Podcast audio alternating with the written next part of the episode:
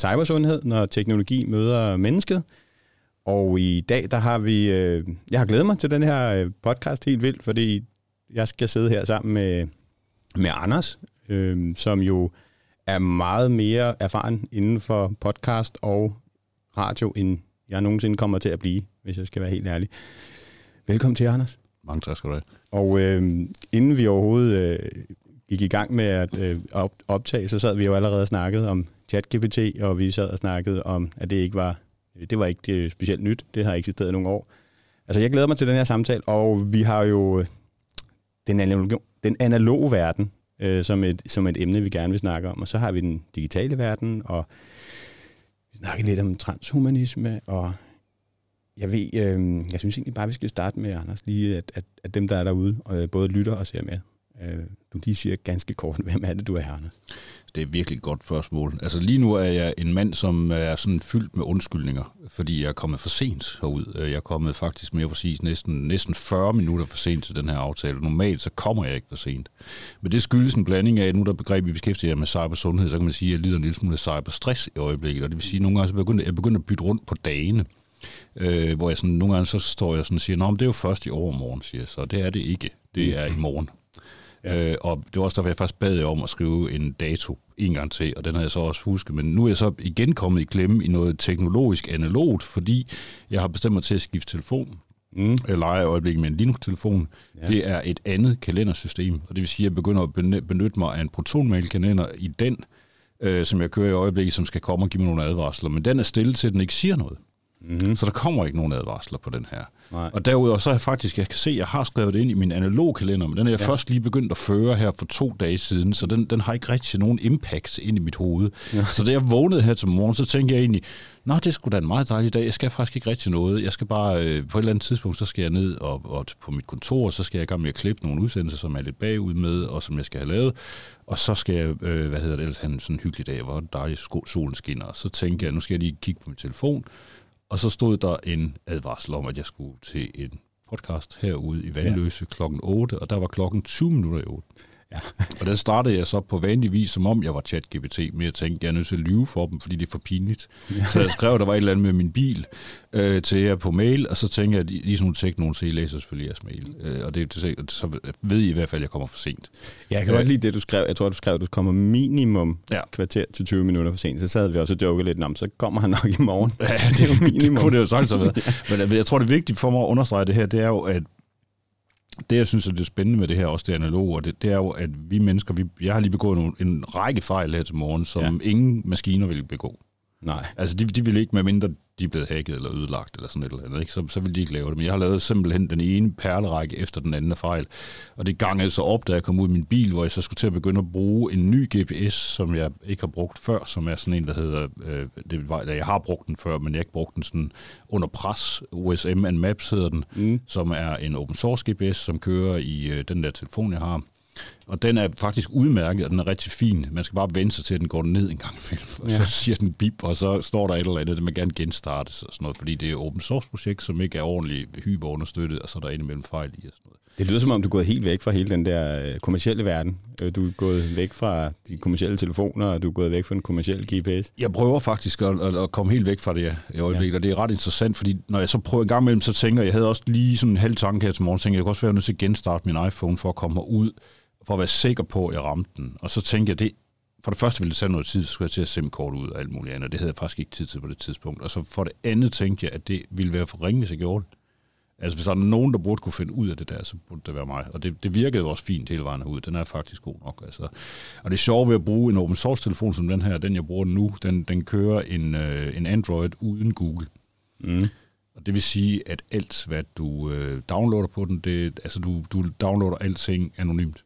Mm. Jeg er ikke logget ind nogen steder, og det Nej. føles enormt rart. Øh, jeg kan faktisk downloade det, som dem, der står bag telefonen, den hedder Volla, hedder den tysk produceret og tysk software. Mm. Øh, de siger, at man kan downloade det, de kalder normie-apps. Det er det, som alle andre bruger, det vil sige Instagram og Facebook og så normie apps, ja, det er bare Google, normale apps? Ja, Google og sådan noget. Det kan du downloade. Men hver gang du gør det, og du, så skal du ind i, de har to app stores. Der er mm. en F-Droid App Store, og der er en, der hedder Aurora.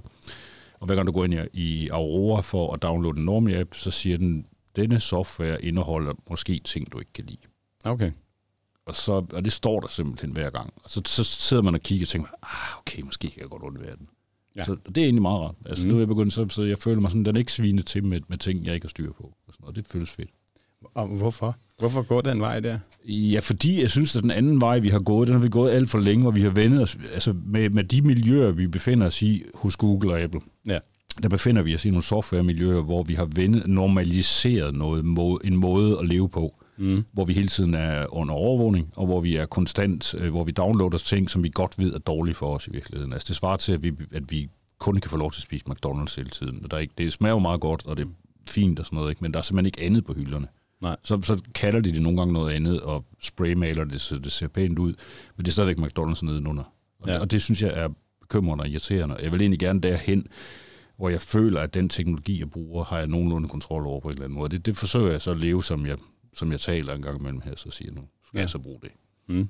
Så, men nu er jeg kommet ud, og ja. det er jeg glad for, og jeg sidder her med nogle notesbøger og sådan noget, som jeg, der ikke står særlig meget i, det burde der, men den ene af min kalender, jeg har sådan en Moleskine-kalender i øjeblikket 20, fra 2023, som jeg, lige er, som jeg lige er begyndt at fylde ud mm. nu, som bliver næste trin, så jeg forhåbentlig undgår den her situation en anden gang, så er den, jeg skal konsultere, og ikke min telefon. Nå, men, nå, men inden du gik over til at uh, bruge det her analog værktøj, og du skiftede telefon, hvad lavede du så? Du har jo lavet meget. Jeg, er, jeg er uddannet journalist ja. fra, fra det der, der i sin tid hed Danmarks Journalisthøjskole, der mm. dengang lå i Aarhus, men nu er blevet lukket der, og nu er flyttet til København, øh, og nu er der så kommer journalister alle mulige steder fra, men dengang var der kun den.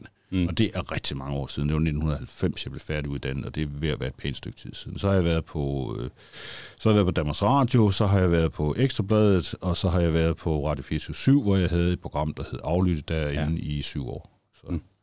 Og siden da, der har jeg så lavet podcast, som jeg producerer blandt andet for ITU og DTU og nogle andre forskellige og sådan noget. Så lever jeg at skrive artikler og kommentarer og sådan noget. Altså ren nysgerrighed. Øh, hvad er forskellen på den måde, teknologien den har udviklet sig der, fra radioverdenen og det, du har oplevet i din rejse siden 90'erne til, til i dag, hvor vi sidder i en podcast og laver det her? Altså for det første er den store forskel, at øh, hvis jeg var kommet 40 minutter for sent til en direkte FM-sending, oh ja. så var der nogen, der skulle have trådt vand, som man siger inden for fagsproget. Det vil sige, at de ville være nødt til at skulle underholde eller spille plader, eller finde på en eller anden ting, eller hive en anden gæst ind, eller et eller andet, hvad de nu ja. ellers kunne, for at få tiden til at gå. Mm-hmm. Det her, det er jo, det hedder tidsforskudt radio, kan man kalde podcast. Ja. Ikke? Altså, vi, vi laver en optagelse, og så øh, sidder vi ikke med et u i den anden ende. Og det, der har været spændende ved at lave, eller det, der er super interessant ved at lave live direkte radio, for eksempel, når, man har, når jeg har gjort det, mm. både på aflytte, hvor vi kørte på, der sendte vi det, der hed, det hed øh, altså, hvor man, der optog vi det, men det blev optaget på tid. Ja. Og det vil sige, at det skulle være præcis den her, for der blev ikke klippet i det bagefter. Nej. Og det vil skulle ramme øh, præcis, øh, jeg tror det hed 53 minutter og øh, 30 mm. tror jeg det var. Det skulle man ramme, og der stod en producer i den anden ende. Når man så var ved at nærme sig de sidste 10 minutter, så begynder hun at sige, nu skal du, så får du ind i ørerne. Der sidder en producer, der siger, nu skal du til at lukke ned. Og, og så sidder man og nikker ud til dem, for man kan se hende igennem sådan en glasrude. Ja. Og så, øh, så fortsætter man med at snakke, fordi man selvfølgelig synes, der er utrolig mange vigtige ting, der skal siges endnu. Og det kan man da godt lige nå. Og på et eller andet tidspunkt, så begynder hun at stå og hoppe op og ned mm-hmm. derude og vinke helt vildt med armene, og så er man nødt til at lukke ned. Øh, og så har jeg sådan, jeg havde sådan nogle meget lange autorer, som jeg lige skulle nå at fyre af, og de bliver nogle gange meget hurtigt øh, fyret af, for at få det til at passe med tiden. Ja. Øh, så det, det gav en, en intensitet i det, man laver. Ja. Også det der med, at man kunne forklare folk og sige, der bliver ikke klippet det her. Mm. Det du siger, det er det, du siger. Ja. Og så var der den anden meget store afgørende forskel, det var, at det blev sendt på FM. Ja. Det smarte ved en øh, gammeldags radio af den der type, som går ned via antenner, det er, at det, jeg siger og bliver sendt ud, der sidder nogle mennesker, der kan modtage det, men jeg ved ikke, hvem de er. Jeg har heller ikke nogen mulighed for at finde ud af, hvem de er. Nej. Og jeg kan ikke tracke, hvor meget de lytter, Nej. eller hvor meget de har, har, hvor længe de har været inde i det, og hvad for et apparat de har været på, og alle de der ting, som man jo vildt gerne vil lave med podcast. Og grund til, at tech-firmaerne synes, at podcast er fedt, det er jo fordi, at de har mulighed for at lave de her standard trackinger, som de hele tiden ja. laver på internettet. Ja, det er svært at lave cookies på FM. Det er meget, meget svært at lave cookies. Det er, det er en til mange, som det hedder i gamle dage. Og ja. det, er også, det har også haft betydning. Altså radio i det hele taget bliver stadigvæk brugt. Det er meget symptomatisk, når man tager krigen i Ukraine, så skete der det, at BBC var nødt til, eller ikke var nødt til, men det de gjorde meget hurtigt, fordi at øh, deres internetkanaler på BBC blev blokeret i, af Rusland. Mm.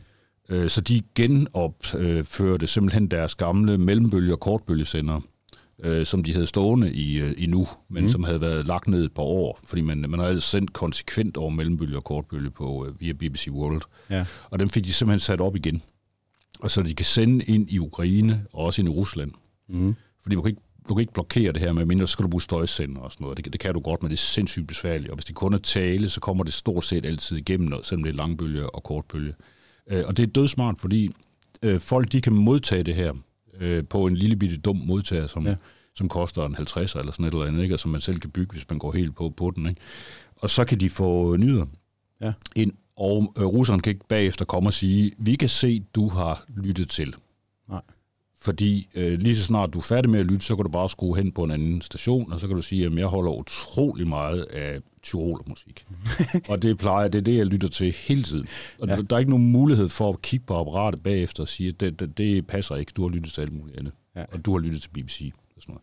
Det var også det, der skete herhjemme under krigen. Øh, der var, havde man jo samme, altså i 2. verdenskrig, der havde man jo også folk, der sad derhjemme med krystalapparaterne, som man, det hed dengang, og det var fordi, de var bygget med en krystal ind i midten. Ja. Og der kunne man så modtage øh, BBC, også den her sammenhæng, sidde og lytte til nyhederne fra England, hvor ja. man havde danske speakere siden i England til at fortælle ting om, hvad der skete her i Danmark under besættelsen. Ikke? Her er London. Her er London, her er London ja. Det, det var det sådan, derfor? det virkede. Det er okay. derfor. Det er meget, meget smart igen. Du kunne ikke komme og sige til befolkningen, du har siddet og lyttet på her i London. Ikke? Det kan man ikke, fordi de har bare en radiostol, og det er ikke ulovligt. Det er øh, en faktisk ret interessant historie, jeg sidder og tænker på, hvor meget det må påvirke både den måde, man laver programmer på, og dem, der sidder og lytter det, at, at det ikke kan trackes på den måde, det bare var en broadcast. Man skulle tænke sig om på en anden måde. Apropos, du sagde dynamik, altså det må være en helt anden måde at lave udsendelser på, og tænke strategi omkring det. Og altså, lige nu, alt bliver tracket, og alt bliver overvåget. Og skal man være nervøs for at have lyttet til et eller andet, når man sidder ude i den anden ende, ikke? Det behøvede man jo ikke dengang. Der kunne man jo bare skrue rundt på kanalerne, men nu skal du måske overveje, hvad du egentlig sidder og lytter til, og hvad du kan blive sat i forbindelse med, bare ved at lytte til det, der er på internettet. Ja, så indgår du samtidig også i den her øh, den der algoritmiske spiral. Ikke? Altså, det vil sige, at hver gang du lytter til én ting, så er alting, alting er metatagget og indgår i en eller anden sammenhæng, og så er der nogle algoritmer, der siger, at hvis han kan lide det, så skal han også have det og derfor så kører vi ham videre i et nyt spor. Næste gang han går ind, så ligger der et tilbud om, at han kan lytte til en anden podcast, der handler om de her andre ting. Det vil være som om ens radiokanal skiftede kanal hele tiden. Ja, ja, altså den drejede, nu har du lyttet 30 sekunder til det, nu vil du gerne høre det her, så skifter den over på næste, ja. næste, næste. Det er jo som om der stod en person ved siden af at dreje ja. på den, og det gør der jo sådan set også indirekte. Ikke? Altså der, der er den, den britiske forfatter Will Self, har engang skrevet et, øh, et, et fantastisk essay, der hedder The Internet is a false friend. Ja. Altså, ja. det, det, er, det, er, det er en falsk ven. Altså, han giver eksemplet, hvis på, han bruger Amazon som eksempel, hvor han siger, at hvis man har været ude og købe en bog øh, på Amazon, så står Amazon der øjeblikkeligt næste dag og siger, når, når du kunne lide den, så kan du også godt lide dem her. Mm. Har du ikke lyst til at købe de her bøger også? Ja. Og du får hele tiden de her tilbud. Så han siger, at hvis man nu overfører den her til den virkelige verden, så svarer det til, at, at hans boghandler hver eneste gang, han var inde og købte en bog, så siger han, at den der, den er, så skal du også have de her, og den der, og den der. Og hver eneste gang han kommer ind, vil han stå og sige, du skal købe den og den og den bog. Ja. Hvor han siger, hvis du havde været en rigtig ven, ja. ville han måske snarere have sagt til ham, at du skal måske lige læse den anden først. Ja.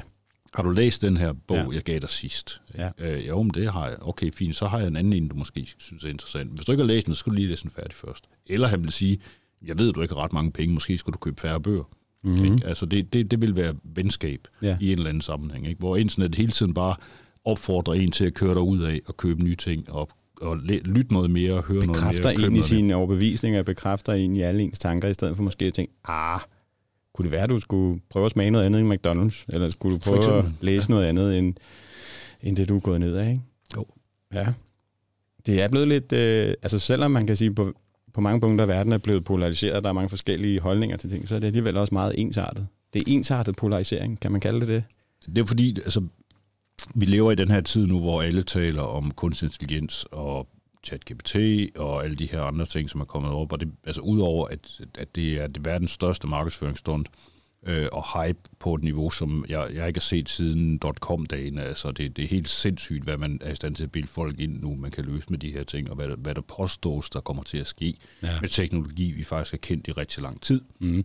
Så jeg, mit tvivl, jeg har stor tvivl om, om revolutionen lige ligger lige om hjørnet, hvad det her indgår. Det var nogen, der troede på en gang.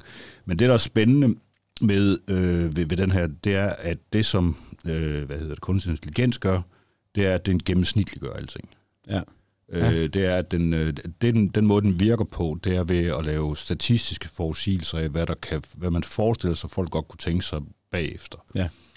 Den læser, hvis vi skriver noget til den og siger, kan du ikke lige svare mig på at skrive en biografi over H.C. Andersen, eller sådan noget, så tænker den, så søger den internettet, og så finder den de ting, der ligger på H.C. Andersen, og så skruer den et eller andet gennemsnitligt sammen Ja. som, ud, som den tror, sådan, det er nok sådan cirka, den, den, vi skal faktisk også passe på med at bruge udtryk som den. Vi kan sige, Ja. maskinen forsøger at, ud fra statistik, at skrue et eller andet sammen, som, som øh, hvad hedder det, de mennesker, der har designet programmet, øh, mener ser troværdigt ud. Ja. Men den gennemsnitligt gør resultatet. ja, den kommer ikke med noget kontroversielt. Ja, det kan den så komme til nogle gange, hvis man tester den nogle gange, Ja. og nu bruger vi den igen, men hvis man tester programmet flere gange, og siger bare beder om at sige, nu vil jeg gerne have et nyt svar på det her, så kommer, den jo, så kommer programmet jo op med noget nyt. Ja. Og så bliver den mere og mere ekstrem, øh, som regel. Altså, og mere og mere vanvittig, og begynder bare at finde ting fra alle mulige hjørner af internettet, og så har man ulykken. Ikke? Og der er også folk, der hacker de her systemer, ved at give den øh, broms, øh, som får den til at tilte og tage data ind alle mulige steder fra, som den ikke burde gøre. Ikke? Ja. Altså, det er sådan, men men det, den laver gennemsnit. Mm. Og, og det er ret underligt, fordi mennesker vil jo helst ikke være gennemsnitlige. Nej. Vi vil alle sammen gerne være noget specielt. Øh, og, Vi vil være unik, ligesom alle andre. alle vil være unik, ligesom alle andre er lige præcis. Og det, og det, men det er så den, lige præcis den der unik som alle andre, det er måske den, som hvad skal man sige, internettet og tech har været vildt gode til at spille ind i. Altså, ja. At det giver folk en fornemmelse af noget, samtidig med, at de ikke stikker ud. Ja. Øh, og det, det er egentlig lidt underligt, fordi samtidig så har vi haft, i hvert fald op igennem 90'erne og 80'erne, en meget sådan individuel øh, individualisering af os alle sammen, hvor man siger, at du skal gøre noget. Den der Nike-modellen, som man siger, den der just do it. Ikke? Mm. Så folk skal gøre ting, og de skal, du skal ud og sejle, du skal realisere dig selv, du skal alt muligt andet forskelligt. Ikke? Hvor vi så nu lever i en tid, som næsten er kommunistisk i sin måde at være på. Ikke? Altså mm. det er sådan et, øh, et sovjet. Et, Fordi vi øh, alle sammen skal være lige. Ja, Ja. der er sådan, at alle skal have lige muligheder. Alle kan publicere på internettet. Alle kan skrive deres egen bog. Alle kan lave deres egen podcast. Alle kan lave ja. et eller andet andet haløjsa. Og så kan de få hjælp af noget kunstig intelligens til at gøre det på en måde, så, så det ligner et Ja. eller andet. Ikke? Vi behøver heller ikke at lære noget. Nej. Rigtigt. Så det kommer også bare til at virke. Vi behøver ikke at have, have nogen viden. Men så bare lige nu, hvis jeg skal vende tilbage til, til mig selv, ja. Øh, det skal man jo altid ja. På en eller anden mystisk måde, og der, så du spurgte, hvad jeg ellers lavede, så har jeg jo været involveret i et projekt siden 2018, som startede som en protestbevægelse, som hedder Analogiseringsstyrelsen. Ja. Og den lavede vi, øh, vi var tre øh, mænd, som mødtes nogle gange, og alle sammen havde haft noget med tech at gøre på den ene og på den anden måde, og som alle sammen var kritiske over for de her ting, og synes der var, der var en masse vrøvl, især i forbindelse med den digitalisering, der finder sted af det offentlige og staten, og den måde, det virker på. Mm. Vores oplevelse var, at de ligesom alle sammen var gået amok i at forsøge at efterligne, øh, hvad skal man sige, tech-branchen Mm. at der var gået Facebook ja. i staten. At det hele var blevet sådan noget med, at de skulle også have hits, og de ville have tracker, og de ville have algoritmisk styring af det ene og det andet, og de ville køre staten, som om det var Facebook. Ja. Øh, og og det, det har vi snakket om, og vi har været så skrevet kritisk om det alle mulige steder, som med udgangspunkt sur øh, gammel tech-kritiker, der siger, at det her det er ved at gå fuldstændig galt, og alt muligt andet. Og det har der også været vist mål respons på, men vi kommer ikke rigtig nogen vejen. Mm. Og der har vi så siddet, så er vi så omkring et bål, et bålfad hjemme hos øh, mig i min, øh, min forhave øh, en aften, og havde drukket noget whisky, og så siger vi, så sad vi og kiggede på det der, eller snakker om det her med, at Digitaliseringsstyrelsen tillader sig at skrive, øh, har et underslogan, der hedder, fordi hverdagen er digital. Mm-hmm. Og den ja. sad vi så og kørte lidt rundt og blev stadig så mere rasende over det der. Siger, det, det er simpelthen det dummeste, vi nogensinde har hørt. Fordi det er den jo ikke. Altså, den er super analog, altså, hvor vi, øh, det vi laver. Mm. Altså, fra vi står op til vi går i seng, foretager vi os 99,9 procent analog ting. Vores krop er super analog. Vi bevæger os analog. Vi, vi spiser, vi går på toilettet, vi gør alt muligt andet. Vi kysser vores goder. Ja. Det er alt sammen analogt. Og så bruger vi noget tid på at kigge ned i en skærm. Men selv mens vi gør det, foretager vores krop sig alt muligt analogt. Og så var det, vi sag- sagde, hvis der er, hvis der er en digitaliseringsstyrelse i Danmark, Ja. hvorfor har vi så ikke en analogiseringsstyrelse? Mm-hmm. Fordi vi jo gør, når det meste af det, vi foretager os analogt, så er det jo fuldstændig vanvittigt, at vi, vi lægger så meget vægt på det andet. Ja. Og der burde i hvert fald være en modvægt. Mm-hmm. Som sagt så gjort, så sad vi så den aften, og så, så øh, i 2018, og så oprettede jeg øh, domænenavnet analogiseringsstyrelsen.dk. Mm. Vi købte så også oven i det analogist.dk, fordi vi tænkte, det andet er så langt, øh, og, og så videre. Det andet det er sådan lidt mere mundret. Og så havde vi det liggende lidt, og så tænkte vi, hvad gør vi ved det? Mm. Og så tænkte vi, vi laver, for det første er vi nødt til at lave et site, som er ikke trackende, Mm. Øh, fordi vi er jo ikke modstandere af internettet, selvom vi er analoger. Vi kan godt lide, vi kan, vi kan godt lide internet, vi kan godt lide computer, vi kan godt lide teknologi. Ja. Det, det, det, det er sådan ligesom vores udgangspunkt. Vi har heller ikke noget mod det digitale, bare det er fornuftigt, ordentligt lavet, ja. øh, og tænkt til at hjælpe os, i stedet for at gøre det mere kompliceret end det Og så, så begyndte vi at skrive artikler derinde, øh, hvor vi, nogle af de første, de bestod i virkeligheden af søg- og erstat-artikler, hvor vi havde taget nogen fra Digitaliseringsstyrelsen, vi faldt over, som vi synes, de jo var de mest åndssvage, vi kunne finde, som var sådan nogle planer for, hvordan Danmark skulle digitaliseres inden for et eller andet år. Ja. Og så tog vi bare og siger, hvad nu, hvis vi laver en søg- og erstat på begrebet digital, og sætter analog ind i stedet for. Ja. Og det kom der nogle øh, meget absurde tekster ud af, øh, som øh, vi så begyndte at rette lidt til, og så blev det så lige pludselig til, at vi lavede en, vi havde pludselig en strategi, mm. altså for Danmarks øh, analogisering i 2018, Øh, og så noget, som vi lavede, jo. Ja, det ligger det hele. Så, lavede, så begyndte vi at lave vores egne strategier for alle de her ting, og der kom så nogle artikler, og der begyndte så også at være nogle andre ting, og så kom der også nogle lidt alvorligere historier i, som vi fik lyst til at skrive, som mm. handler om problemerne med, med det her samfund, vi har. Og pludselig havde vi så et site op at køre, som faktisk sådan fungerede nogenlunde, som jo var kendetegnet ved, som bare lige for at vende tilbage til det, vi prøvede at strippe det for alt tracking. Ja.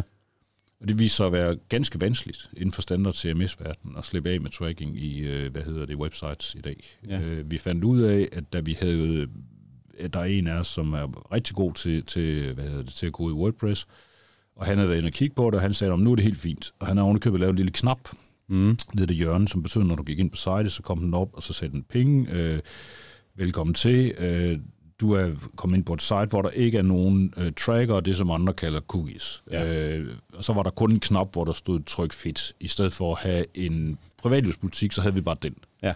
Der var ikke noget med, med at afvise eller noget som helst. Nej. Og vi skrev så indeni også, at vi gemmer ikke nogen data, vi har ikke gjort noget, hvis du finder nogen, så må du skrive til os. Videre. og der ja. gik ikke mere end to dage, så var der en, der skrev. Så jeg okay. har altså fundet to tracker inde hos jer alligevel. Ja. Øh, ja, det vi skulle måske lige kigge på. Ja. Og så gik vi i gang med at splitte hele beduljen ad en gang til, mm-hmm. og måtte konstatere, at øh, der lå sådan en Google option inde i CMS'et, øh, som til et øh, lille, hvad hedder det, til sådan et kort, man kunne sætte ind, altså hvis du skulle finde vej til mm. en virksomhed, øh, ja. så kan du smide sådan et kort Google Maps ind, ja. og så kan du bare taste adressen og så videre, så alt det der, som, som ligger inde i. Den havde vi selvfølgelig ikke aktiveret. Nej. Men selvom den ikke var aktiveret, så talte den stadigvæk med Google hvilket i sig selv er lidt langt ud. Altså det, det svarer lidt til at sige, at selvom altså, du har en eller anden ting kørende i din, jeg ved ikke, hvad skal man sammenligne det med, at du har et, et flag stående oven på din bil, som du kan slå op, hvis du gerne vil fortælle alle folk, at du har en eller anden form for problem, ikke? og så siger du, det skal jeg ikke bruge til noget, så det her er ikke slået op. Så selvom du ikke har slået det op, så slår det alligevel op, lige snart du starter bilen. Ikke? Ja. Altså det er lidt det, det, det handler om her. Så det andet, vi fandt ud af, som jeg stadigvæk er en lille smule rystet over, og synes, det er langt ude, og det, det viser sig, det, det er der masser af mennesker, der åbenbart vidste i forvejen, men vi var nødt til at downloade vores egne fonde, mm, og sætte ind i sitet, fordi det viser sig, at alle Google-fonde, altså bogstaverne, de ja. taler, de ringer også hjem ja. okay. til Google med alt. Øh, med alle mennesker, der besøger sitet, hvor, hvor de kommer fra, IP-adresser, hele beduljen, det bliver afleveret tilbage til Google. Ja. Så du er nødt til at have din egen fonde kørende inde i dit eget CMS-system, ellers så snakker du med Google. Og det, det er jo super trist og helt vildt langt ude, og hvorfor har de dog fundet på det? Ja. Altså, det er jo en syg tankegang, efter min mening. Så ja. nu har vi det site kørende, det har så kørt siden 2018, og vi bliver så enige med Kan man finde om, det på Google ved at søge? Det tror jeg godt, faktisk. Okay. Vi har godt nok ikke lagt nogen... Jeg tror, vi har lagt keywords ind i. Altså, vi, ja. vi er meget HTML-baseret, hvis vi kan komme afsted med det. Ja. Så der ligger almindelige... Der ligger søgeord i. Ja. Og vi er heller ikke blogget for, for, for søgning. Der er ikke blogget for robotter og sådan noget. Det, det er jo sådan set ikke vores problem. Altså bare der ikke, øh, hvad hedder det, at det, det er den sammenhæng. Men det andet, vi har vi så gjorde, det var, at så har vi skrevet øh, tre år eller sådan noget på de her øh, forskellige tekster. Der var ved at være temmelig mange. Og mm. der mhm. var, øh, vi gør også meget ud af, at øh, vi har, man kan godt kontakte os, for eksempel. Vi har en, skrevet en besked til Analogiseringsstyrelsen, har vi lavet sådan en boks, Mm. Øh, men der kræver vi, der vil så fjerne alle de felter, der hedder, at du skal taste din e-mail ind, og du skal taste, fordi vi vil ikke have persondata. Vi bryder os ikke Nej. om at have dem. Nej.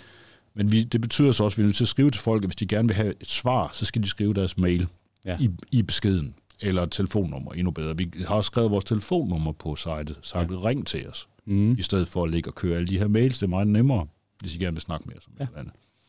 Øhm, men da vi så har ligesom gået sammen alt det her sammen og fået en helt lille henvendelse fra folk, som synes, det var enormt interessant, og gerne vil snakke med os om et eller andet, så tænkte vi, at det er også lidt forkert, at vi har, kun har et website. Mm. Det er ikke særlig analogt, når det kommer til stykket.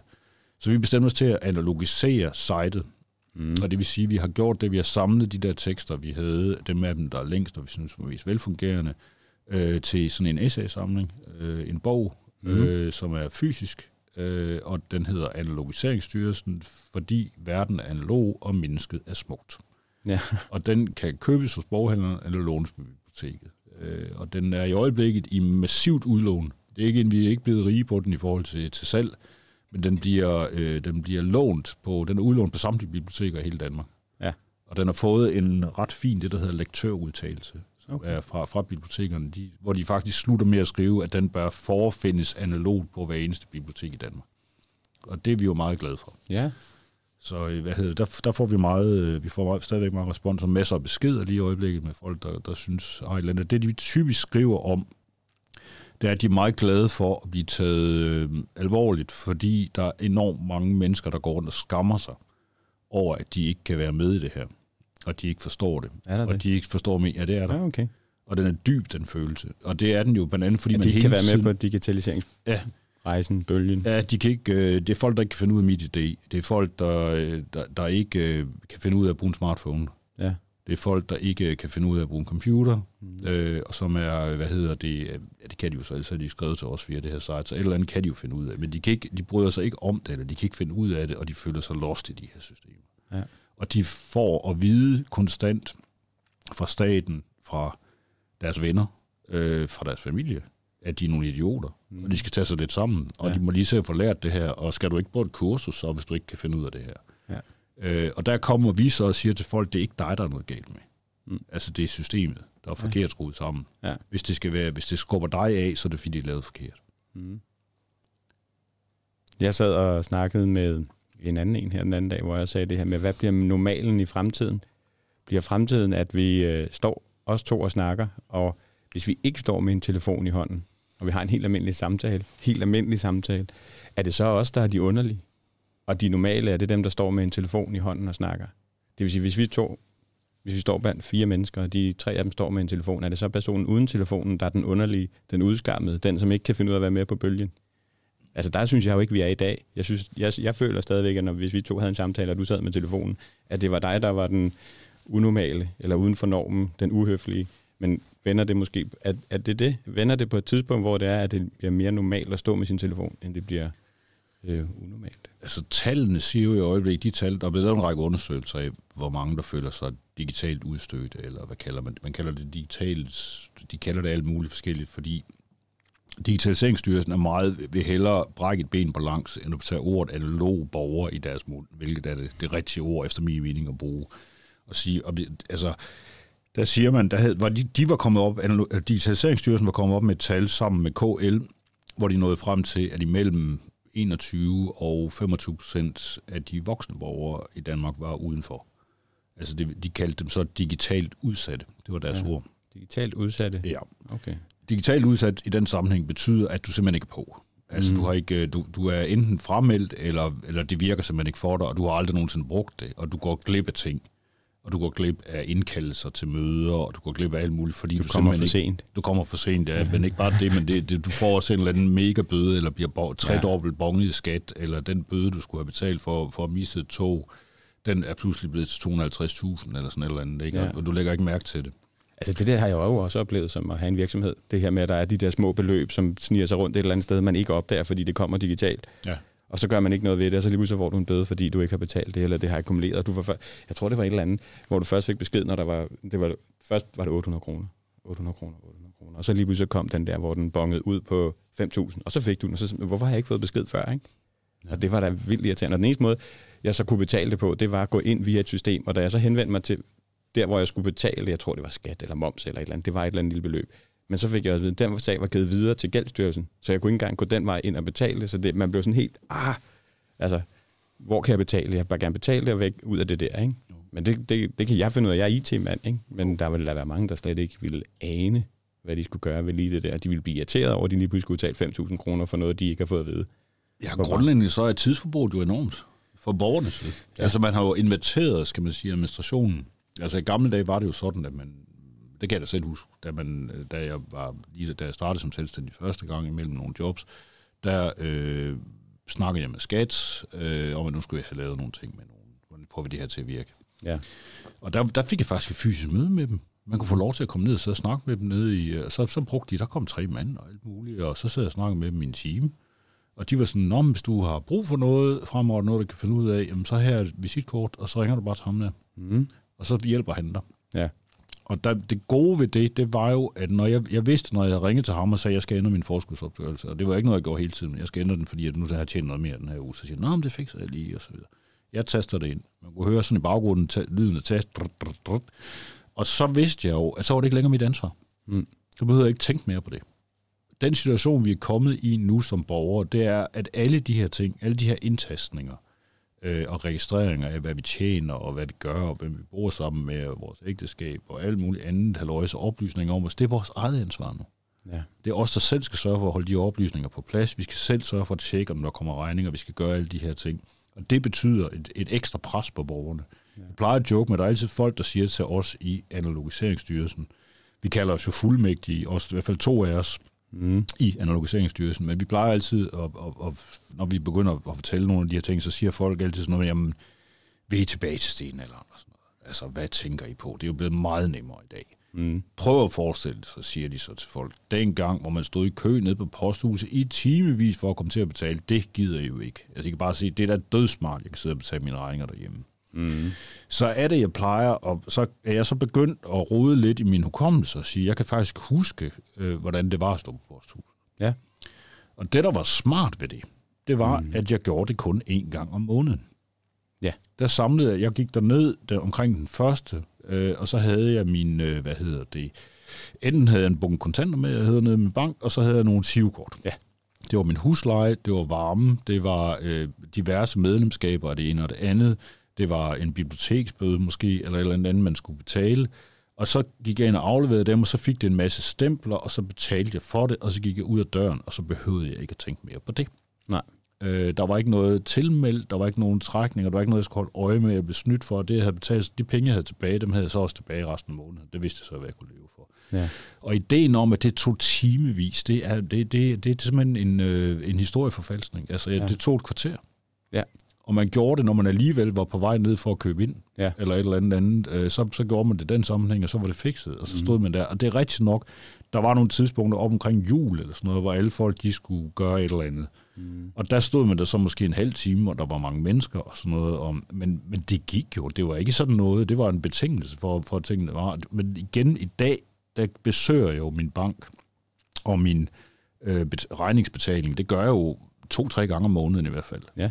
Hvis det er lavt. Mm. Mhm. Og det er typisk mere end hvis der er et eller andet andet. Der er masser af administration, som nu ligger hos mig. Ja. Og som jeg før kunne fikse på øh, på meget, meget kort tid. Måske sparer vi slet ikke noget tid. Måske Ja, gør vi det bare er, oftere. Der er ikke nogen, der har lavet undersøgelser på det, og det, det er den anden interessante ting. Hvis man tager digital post, er jo, er jo et meget spændende eksempel, fordi det, jeg tror, det er 2012, vi får det indført i Danmark, og, og begrebet indført skal man også være forsigtig med, fordi det var tvang, og det er det stadigvæk. Mm. Du har ikke noget valg. Nej. Det er ikke sådan, at du kan sige, om jeg vil ikke, øh, så siger man, så kan du fremmelde dig digital post. Men den, du har stadigvæk en digital postkasse, Ja. som bare står og kører på en eller anden måde. Så det, der virkelig sker, det er, at kommunen de printer dem ud og propper dem i et brev, og så får du dem så en uge forsinket i forhold til alt muligt andet, hvilket faktisk giver en masse mennesker enormt mange problemer. Og det er så fordi, en anden konsekvens af, af tvangsindførselen af digital post, det var, at Post Danmark, det nationale danske postselskab, gik ned, Mm. og nu er svensk ejet. Ikke? Jo. Og det, det gør Danmark øh, til en af disse ynkelige få nationer, som ikke har sit eget postvæsen. Ja. Spanien, Italien, Frankrig, Tyskland, de har deres eget postvæsen. Det har vi ikke, fordi vi er så fattige her i Danmark, og vi har simpelthen ikke råd til det, og derfor så har vi lukket det. Ja. Og nu, har- nu er det nogle svensker, der kører showet, ikke? Jo. hvilket er, øh, øh, det, det, det er ironisk rent historisk, fordi det var Danmark, der i sin tid lavede postvæsen i hele Norden. Ja. Og, og udbredt det til resten af Sverige og Norge i sin tid. Og så har vi, har vi siddet på det og haft det som en kæmpe ting undervejs, ikke? og nu har vi ikke noget. Sådan går det. Ja. Det kunne man ikke lige forudse. Nej, men nu, øh, nu er det så svenskerne, og det er derfor vores post, hvis der nogen skulle være i tvivl, det er derfor alle postbilerne er blå nu, ja. og ikke, ikke de der gul og rød, som det var før i tiden. Ikke? Og post, postvæsen går i sådan nogle blå, semi-blå uniformer indimellem, eller blå farver i hvert fald. Ja. Den stikker helt af i den udvikling. Det er, jeg synes, det er vildt interessant at snakke med dig, Anders, omkring de her historiske ting, som jeg jo godt kender, men jeg kender det ikke godt nok. Jeg kan jo godt huske posthuset, jeg kan godt huske de her ting. Der er en anden ting, jeg kom til at tænke på i forhold til det med, at man sparer tid.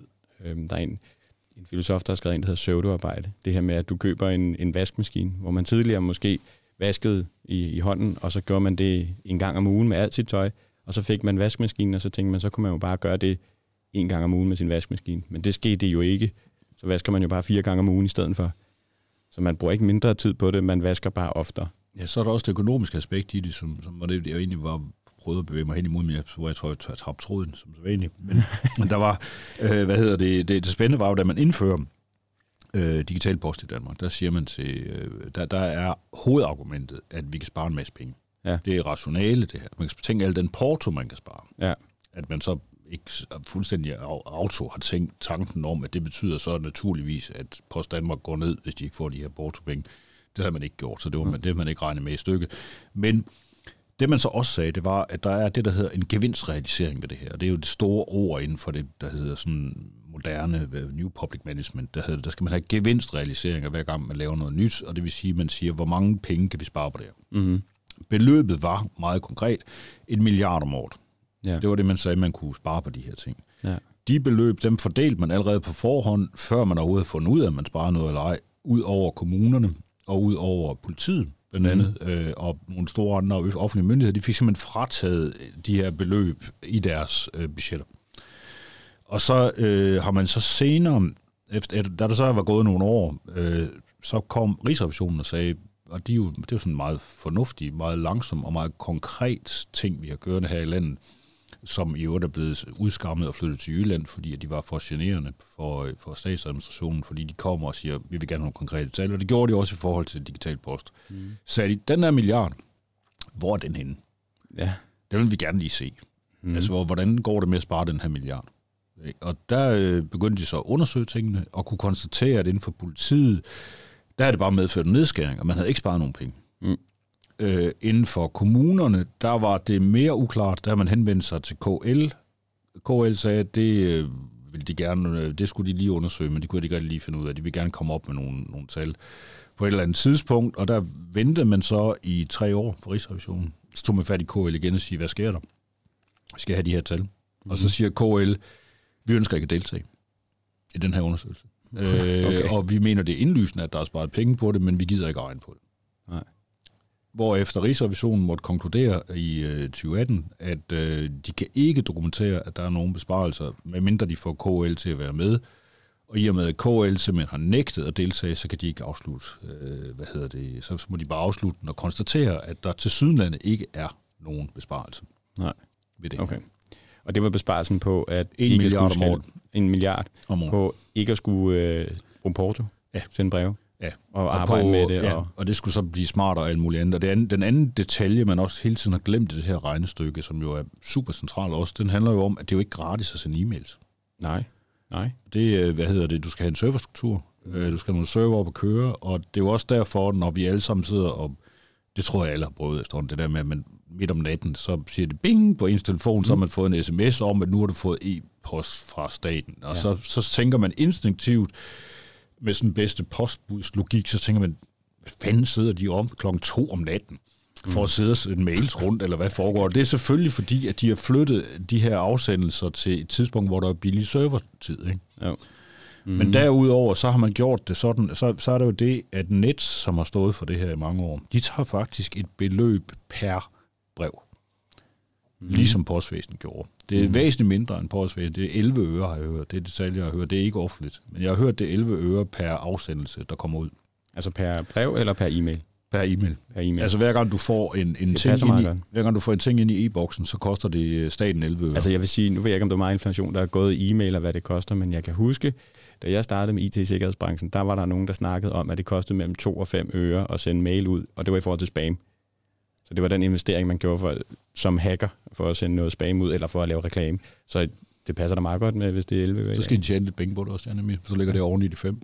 Men det er så, problemet er så, at man, så kan man sige, at det er så frygteligt, så har de sikkert bare med, alligevel sparet nogle penge, fordi det vil alligevel koste mere med, med porto og sådan noget. Der vil det koste i hvert fald med de gamle takster i 2012, så vil det måske have kostet en 3-4 kroner på brev. Ikke? Ja. Men man er begyndt at sende noget, der ligner 8-10 gange så mange meddelelser ud til borgerne, som man gjorde før. Ja. Så det, kom, så det, det stedet igen. Ja. Og det er det samme med vaskemaskinen. Så, ja. ja. Du, du laver bare mere af det, fordi du kan. Ja. Og det skaber ikke nødvendigvis overhovedet noget mere værdi. Nej. Det forvirrer mere, end det gør godt, tror jeg. Ja, det gør det for mig. Der er også Aula, det kender du nok. Ja, det ved jeg ikke. Det gør jeg. Jeg, jeg, nåede ikke, jeg nåede ikke Aula, det hed forældreintra, ja. mine børn var små. Ja, det, var, det, det var også helt fuldstændig vanvittigt. Jeg ved ikke, hvad, det, hvad de tror, de sparer der, men altså, der var noget, der hed en kontaktbog i gamle dage. Det synes jeg, der var meget hyggeligt, når man fik skrevet hjem en gang imellem, om man er et eller andet, man ikke havde opført sig ordentligt. Men nu er det jo hver dag, der kommer et eller andet med nogen, som har gjort noget. Og jeg sidder også, altså brug dog tiden sammen med børnene i stedet for, altså de mennesker, der sidder der, i stedet for at sidde og skrive øh, Aula-beskeder hjem til forældrene og spame forældrene, som hele tiden skal gå ind og tjekke de der ting, ikke? Jo, det er, det er jo sådan en app nu, ikke? Altså, det, jo, det er. jo fra, sådan, den står jo hele tiden vel også med sådan nogle notifikationer, små røde ja, jeg har slået det af. Ja, jeg har slået det af. Så nogle gange så får jeg ikke alle beskederne, og så må børnene have opført sig på den måde, de har opført sig i skolen. Men det er jo super interessant med det. Lige præcis, altså, kontaktbogen er et godt eksempel på en analogisering, vi kunne lave på 25 sekunder. Så kan vi sige, nu dropper vi alt det der. Ja. Og det eneste, så kan vi for de penge, der er, der kan vi så sætte nogle flere kopimaskiner op ude i skolerne, så de, hvis det er sådan, de gerne vil give øh, forældrene besked om noget, jamen, så, kan de lave, så kan de få et fotokopieret seddel med hjem om, at de skal møde op i morgen inde på øh, Naturhistorisk Museum, og de skal huske at have en madpakke med. Ja. Så det var sådan, jeg kan huske, det var, da jeg var barn i hvert fald. Ikke? Jo. Og så kan man kontaktbogen, den har du til væsentlige ting. Ja. Den skal du have med hjemmefra, hvis du har været syg i to dage, så tager du den med ind. Ja. Øh, og så står der fra din mor en seddel om, at øh, lille Anders havde influenza og var desværre ikke øh, først kommet i dag. Og så skulle de så skrive under ned i bunden, og der skulle man så tage den med hjem igen og vise den til sine forældre, at, at skolelæreren faktisk havde skrevet under. Ja. Altså det, det, det giver, for det første giver det nogle interaktioner, som er mm. enormt fornuftige. Det lærer børn en masse om at bære en ting frem og tilbage fra den ene til den anden. Mm. Du skal også tage ansvar for det. Og så nogle gange giver det også børnene en mulighed for at snyde. Ja. Hvilket ikke er, dårlig, er en dårlig ting. Altså det, det giver dem også, fordi de finder jo også ud af, at de kun snyder sig selv i sidste instans. Altså det kan være, hvis øh, skolelærerne skrevet i kontaktbogen, at øh, Anders er helt vildt ukoncentreret og sidder og larmer nede bagved. Det gjorde jeg en del, dengang jeg var barn. Øh, og så, øh, hvad hedder det, hvis der stod noget i bunden om, at jeg larmede for meget, og sådan noget, så skulle jeg tage det med hjem til min far, så skulle han jo så skrive under ned i bunden. Og der kunne man jo så i teorien, det går jo godt nok ikke, men der kunne man jo så bare have forfalsket sin fars underskrift og gået tilbage og sagt, øh, det, ja, nu har den har han set, ikke? Jo. Men der snyder man så i sidste instans sig selv, fordi til forældremøderne ville det jo komme frem, ja. at den var der. Mm. Men jeg tror, at grunden til, at man har opfundet Aule, det handler jo også om, at, at du havde jo ikke i de dage, hvor vi gik i skole, der var der jo ikke et fuldt register over, hvor mange, hvornår du kom i skole, og hvornår du gik igen, og hvor mange sygedage du havde, og Nej. hvor mange opgaver du havde gennemført. Det lå hos læreren enkeltvis, mm. som en form for, for, som en subjektiv vurdering i virkeligheden. Ja. Altså, hvor de også lod nogle gange elever være i fred, og sige, det kan godt være, at han måske kommer lidt for sent en gang imellem, men vi ved, at han har det svært derhjemme, eller et eller andet. Så der er ikke nogen grund til at skrive alt det der ned. Nej. I dag, der har vi i virkeligheden fabriksligt gjort alle børnene mm. til, at de er sådan nogle med stempelkort. Ja. Øh, og så ikke nok med det, så kører man statistikker og algoritmer ovenpå, hvor man snakker, hvad hedder det, trivsel og store trivselsundersøgelser af eleverne, hvordan har du det derhjemme? Ja. Det er sådan noget, de spørger om i ja. de her trivselsundersøgelser. Hvordan er der alkohol hjemme? Det er sådan noget, de også spørger om ja. i trivselsundersøgelserne. Og man kan sige, det er godt ment, tror jeg, et eller andet sted, om man vil hjælpe børnene, men der går meget hurtigt sådan noget igen kommunisme i den. Ja. Sovjetkommunisme, hvor man skal tjekke alting, og hvor man skal have styr på, hvad der foregår derhjemme, og, og køre algoritmer ind over for at tjekke det. Og når jeg bliver ved med at vende tilbage til den der kommunistiske metafor for digitalisering, så er det fordi, at russerne faktisk var de første, der begyndte på det her. Mm. Det har man en tilbøjelighed til at glemme. De var bare sindssygt uheldige med det. De gik og pommeren til, fordi de, deres systemer var for komplekse, og fordi de havde ikke en infrastruktur, der virkede på det. Og fordi det, der sjovt nok gik liberalistisk konkurrence imellem forskellige sektorer i Rusland i den, da ja. de forsøgt. I modsætning til Vesten, som faktisk opførte sig øh, standard kommunistisk i udviklingen af deres internet, hvor man gav massiv statsstøtte til en masse universiteter og opfordrede dem til samarbejder og lavede fælles standarder og alt muligt andet. Der virkede det faktisk i den ja. sammenhæng. Det gjorde det ikke i Rusland. Men russerne havde nogle idéer om, at man netop via teknologi skulle have øh, det her type samfund, som i virkeligheden var altså det, som også var den oprindelige drøm om internettet, altså åben demokrati, og folk kunne tale med hinanden hele tiden og alt sådan noget. Ja. Det, det var russerne, der startede den. Og så er vi, jeg vil ikke sige, at vi hoppet på, men det var altså os, der lykkedes med det. Det foregik stort set samtidig op igennem 50'erne og 60'erne, i henholdsvis USA og Tyskland, eller Rusland. Så jeg mener, jeg mener jo, at altså digitaliseringen er en, øh, altså sådan et, et, et forsøg på at lave et totalt topstyret samfund, som minder om den store sovjetiske drøm. Øh, og det mener jeg jo så af mange grunde, vi skal slås imod og sige, at det gider vi ikke. Ja, det bliver jo nærmest umuligt at lave noget, uden at det bliver opdaget. Ja. Øh, og nu siger jeg opdaget, men, men det, alting bliver registreret. Og vi mister jo mister vi os selv og vores frihed til at være mennesker. Nogle vi, kan jo, ting bliver... vi kan jo se det nu, altså med altså overvågning i landet, det her Danmark er jo gået fuldstændig græsat, ikke? Altså, der, der, jeg vil tro, at hvis man altså, de gamle politikere ville være flippet totalt ud over, altså, hvor, hvis man går tilbage, altså, da, i dag, i går blev det vedtaget, for der, der fik dansk politi lobbyet den her øh, regel om genetisk slægtsforskning igennem, for eksempel.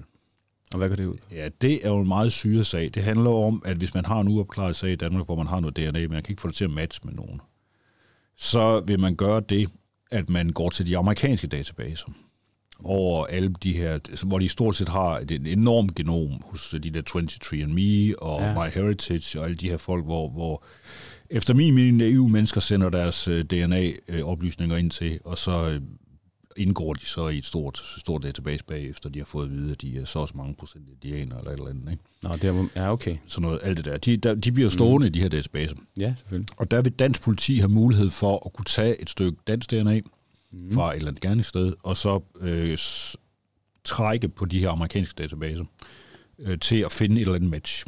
Ja. Og når man så har fundet noget, der ligner en familieretning, mm. så kan man så begynde at lave slægtsforskning på det. Og så kan man så gå ud og sige til en eller anden person, så pinger man så en eller anden person herude i Vandløse, som siger, vi ved godt, det ikke er dig, siger de så. Ja. Det tror vi ikke, det er. Men vi vil godt lige have din gentest også. Mm. Fordi så kan vi lave et mere præcis mapping. Og så kan vi finde frem til ham, der har gjort det. Ja. Og det er selvfølgelig frivilligt, men vi synes måske, det er lidt underligt, hvis du ikke siger ja. Ja. Øh, og det, den situation, det. det er nu blevet vedtaget, at det må de gerne. Det er blevet vedtaget? Det blev vedtaget i går. Okay, men man kan godt sige nej, hvis de kommer. Ja, i teorien kan I du. I teorien kan ja, du også. Der er mange ting, du i teorien kan sige nej til. Ja, du vil blive regnet, hvis, hvis det nu, lad os nu sige, det var en ny øh, Mia eller Filippa-sag, så vil jeg nok tro, de færreste ville tures, eller bryde sig om at sige en, en ny Mia eller Filippa-sag, eller et eller andet, altså noget med et kidnappet barn, eller et eller andet andet, ja. så vil man nok have svært ved at sige, sige nej, hvis der var nogle politifolk, der stod og sagde, at der er altså en chance for, at vi kan finde ud af det her, hvis du afleverer. Ikke? Jo. Øh, balladen er, at, og grunden til, at jeg nævner det her i forbindelse med gamle politikere, det er fordi, at det her det er et forslag, der, der sidst var oppe i 2012, hvor, hvor Dansk Folkeparti talte om, at de ville have et fuldt DNA-register over hele den danske befolkning. Mm. Hvor man simpelthen skulle aflevere, alle skulle aflevere, fordi så kunne man jo ligesom frasortere folk, der ikke havde gjort noget. Mm. Det var deres hovedargument. Mm. Øh, og det er virkelig det, det her ender med.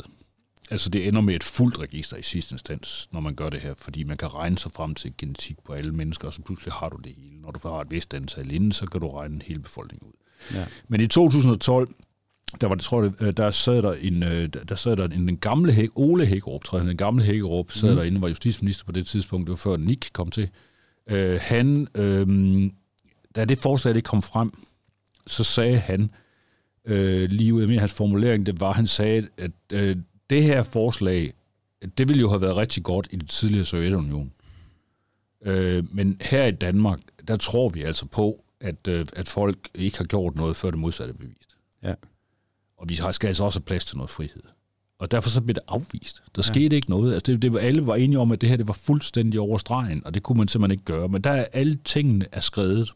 Ja. Og det er blandt andet, hvis vi skal prøve at lave en lille cirkel tilbage til min, mit ønske om at frigøre mig fra for ondsindet software og ting, der prøver at tvinge mig til at gøre ting og skubbe mig ind i nogle retninger af den ene eller den anden art, jamen så er det på grund af det, at vi hele tiden vender os til, at ah, nå ja, den æder godt nok lige nogle data frem og sådan noget, det der Google, og de ved godt nok enormt meget, at jeg får præcis annonce, men skidt med det. Ja. Og så vi vender, vender vi os til de her ting, og pludselig hører vi os selv og hele befolkningen stå og sige, om jeg har jo ikke noget at skjule, så jeg har ikke noget at frygte. Mm. Okay? Og det er efter min mening, det er døden for friheden på længere sigt. Altså der, der forsvinder vi som mennesker og som borgere. Ja, på overfladen lyder det jo meget tilforladeligt, at jamen, vi har jo ikke noget at skjule, så hvorfor ikke bare gøre det? Men hvis man tager den til den ekstreme, øhm, hvordan kan det så ikke også udnyttes? Ja. Hvordan kan det ikke blive manipuleret med os? Altså, altså jeg, jeg bliver helt overvældet over alle de ting, du fortæller i forhold til den her teknologiske udvikling, og, øh, og vi har været rundt omkring rigtig meget, og vi har snakket om analogi, og vi har... Analogisering. Analogisering, er et svært ord. til digitalisering. Ja, til et mod, som modstykke. Ikke? Øhm, og så sidder jeg og tænker, det er jo, det er jo sådan en generel ting, der er sket over de sidste 30 år. Og nu er vi så nået til, til en verden i dag, hvor der også sker nogle helt vanvittige ting i forhold til teknologien, eller i hvert fald ting, som vi slet ikke har en idé om, hvordan kommer til at udarte sig, hvordan kommer fremtiden til at se ud.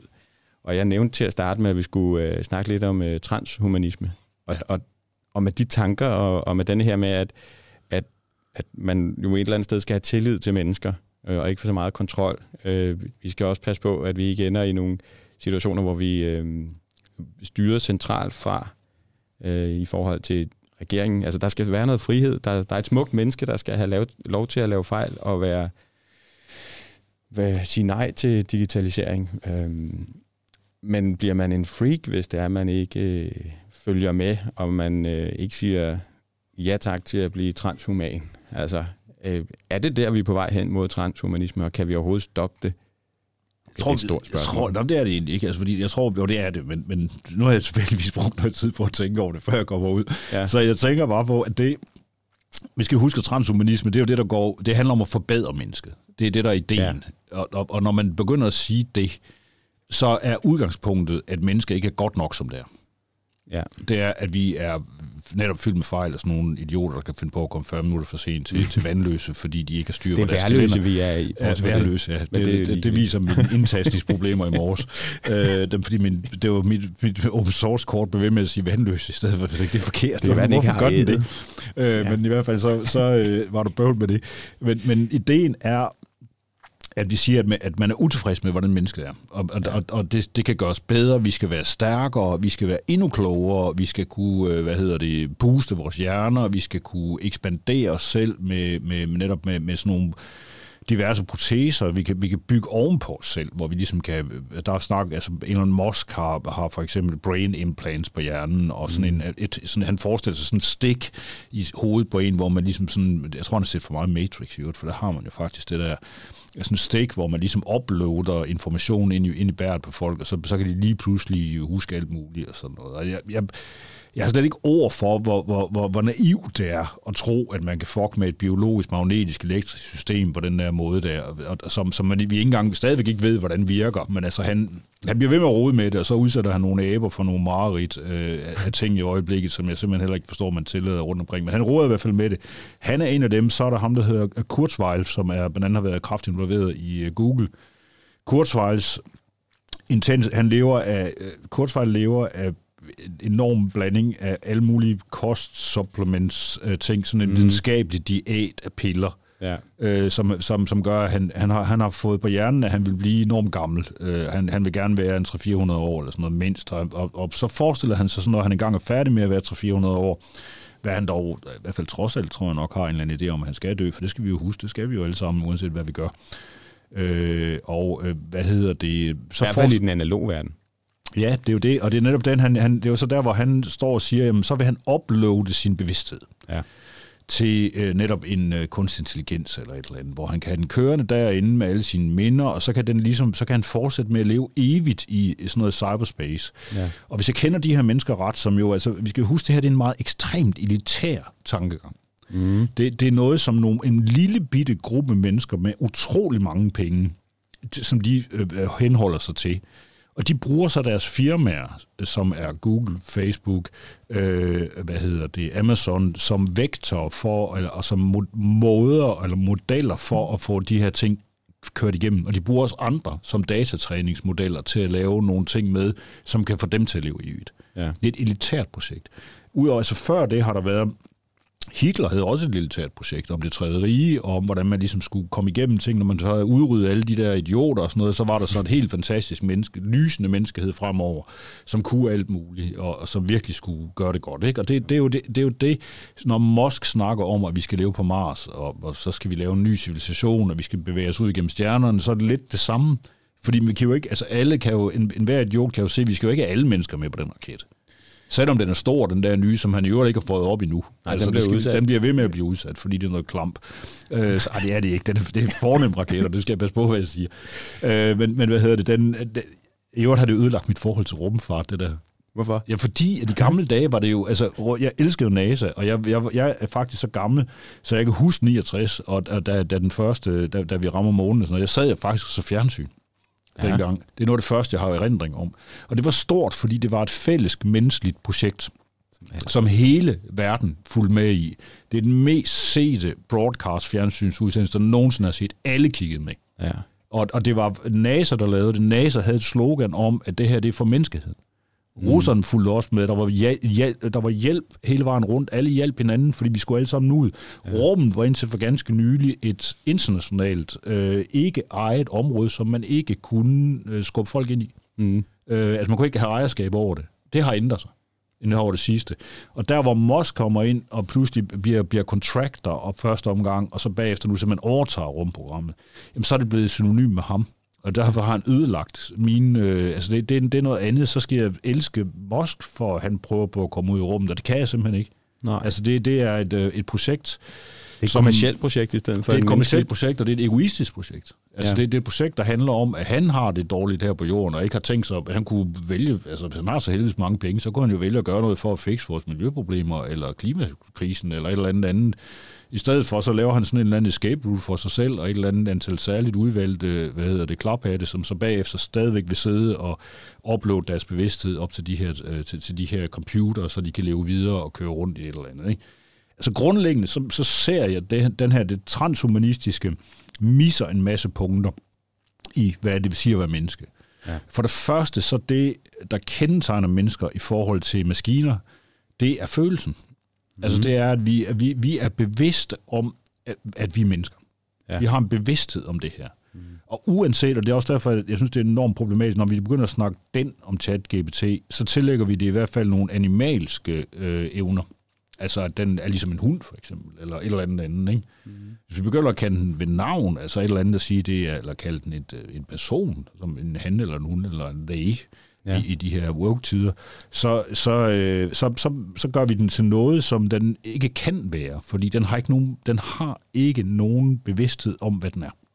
Mm. Og det, den kan lade som om, vi kan bygge alt muligt udenom den, så den er i stand til at simulere noget. Altså vi siger jo heller ikke, en simulation er jo ikke noget virkeligt, den er en simulation. Ja. Og, og det kan godt være, at lad os så sige, de lykkes med det her, de her transhumanister, Kurzweil og de her andre typer, Elon Musk, de lykkes med at skabe en eller anden maskine, som er så dygtig til at lade som om, at den er intelligent. Øh, at vi tror på den, at den, er, den overholder, øh, hvad hedder det, Turing, kan tage Turing-tester fra morgen til aften, og den så også begynder at gøre alt muligt, der tyder på, at den har vilje eller retning eller sådan noget. Så er vi stadigvæk nødt til at huske, at alt, hvad den foretager sig, det er programmeret ind. Ja.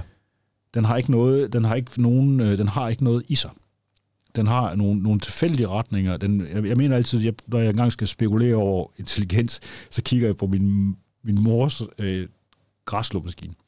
som er sådan en, en, en af de der, den billigste af de der... Øh, Stiga? Ja, der, ja, det er sådan, nej, det er ikke ja. en Stiga, det, er, det tror jeg, det er tysk, jeg kan ikke huske, hvad den hedder. Men det er sådan en, der kører rundt øh, derhjemme, og så kan den selv så følger den sådan mønster rundt i hjørnen af plænen, ikke? Og, så, øh, og så kører den ellers sådan random, når den klipper. Den har ikke, nogen, øh, den har ikke noget programmering, man kan ikke se græs. Den er også ligeglad med det. Ikke? Den, men den har sådan random, så kører den et eller andet sted hen, og når den så rammer en kant ud fra den der tråd, der ligger ude i siden, så ser den, om nu er til den der kant, så skal jeg dreje en bestemt vinkel, og så kører den tilbage. Men når man står og kigger på den, så tænker man, ej, hvor er den sød. Ja. Ikke? Og, det, og alle folk, nu den har allerede min mor givet den et navn, nu hedder den Robot, ikke? Altså den, fordi robot, robot. og, og ja. det, ja, det er meget dumt. Der er sikkert 2.000 robotter i Danmark af den slags, ikke? Men, men man vil enormt gerne besjæle den, ja. og sige, at den, er, den må være super, den, den må kunne et eller andet, og man får ondt af den, når den sidder fast, eller kører over en hundelort, eller sådan et eller andet. Ja. Ikke? Så tænker man, det er synd, nu bliver den beskidt, og puha, nej, og alt muligt andet, ikke? Så, men, men den er jo bare en dims, som ja. gør et eller andet. Ikke? Og, og vi har, som mennesker vil vi gerne det her. Grunden til, at vi har det sådan, og vi besjæler de her maskiner, det er fordi, at vi øh, er vokset op i øh, på, på meget, en meget fjendtlig klode på mange måder, hvor vi har været meget afhængige af hinanden. Mm. Og det, siger, det er sindssygt vigtigt for os, at vi er i stand til at få mening ind i hinanden. Ja. Og det er den måde, mennesker kommunikerer på. Det er jo i virkeligheden, at hvis man har klar... Der er nogle mennesker, der er i stand til at tale meget klart om ting, så alle kan forstå det. Mm. Og der er nogen, der ikke er så gode til det. Ja. Øh, og derfor så hjælper vi hinanden ved at fylde mening i hele tiden. Mennesker skaber mening i sammenhængene. Ja. Det kan en maskine ikke. Den kan ikke skabe et sekunds mening i noget som helst. Øh, det, det er os, der tillægger den noget. Og der, det synes jeg er utrolig vigtigt, at vi holder fast i det i de her tider lige nu, og sige, at det er fantastisk, at mennesket kan det. Ja. Og tænk, hvad vi kan med alt muligt. Altså det, vi overhovedet er i stand til at finde på at kalde en plæneklipper for robot, er jo, viser jo vores enorme overlegenhed i forhold til al det teknologi, vi har kørt omkring ørerne på, så vi kan finde på at kalde noget sjovt, eller joke med den, eller gøre et eller andet andet. Ikke? Altså det, det vi, vi, igen kan jeg sagtens forestille mig, at der vil være programmører, der sidder og tænker, nu programmerer vi en kunstig intelligens til at kunne det samme. Ikke? Mm. Øh, og, og, men den, den, den har ikke nogen... Det, der er forskellen på den og os, det er, at den har ikke nogen glæde af det. Nej. Den bliver ikke glad. Den har ikke en lille sang ind i hovedet en gang imellem, som den går og hører. Den har ikke en sang på hjernen. Den har ikke øh, fornøjelsen ved, ved at sige, at øh, hvor var han sød, eller hvor var hun sød, eller et eller andet andet, eller der er en sød hund, og klapper af den, og så siger den et eller andet. Den får ikke nogen glæde ved, altså når du kommunikerer med mig, som vi gør nu, sidder og snakker, så får jeg jo, prøver jeg at forstå meningen med det, du siger, øh, og bliver glad, når du siger noget, som du siger, ikke? Siger du, at den kan jeg lige pludselig se meningen med det, og det er jo det, og så, øh, hvis du sidder og kommunikerer med, lad os sige en chatbot, eller et eller andet i den stil, jamen så er den ikke en, altså den bliver jo ikke glad af det, du fodrer den.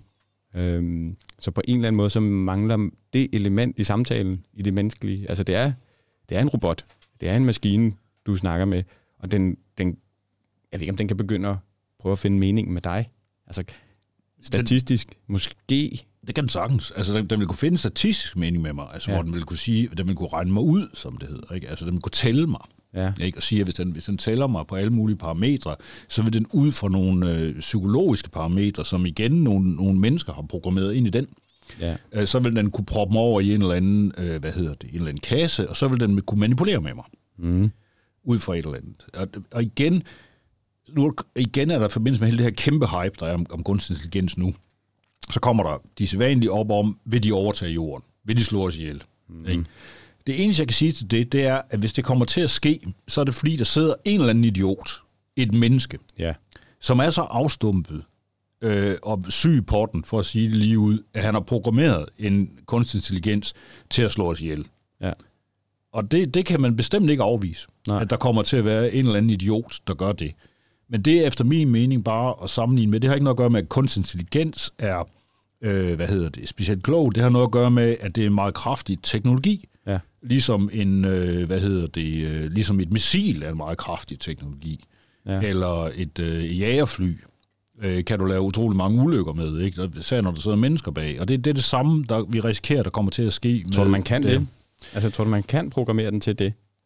Der, er allerede, der ligger en, der hedder Chaos GPT, er den sjoveste i øjeblikket derude, eller sjov det er den ikke, men den er, det, det er klassisk internetkynisme. Altså noget af det, som, som internettet har skabt i mennesker, er jo også en enorm kynisme. Ja.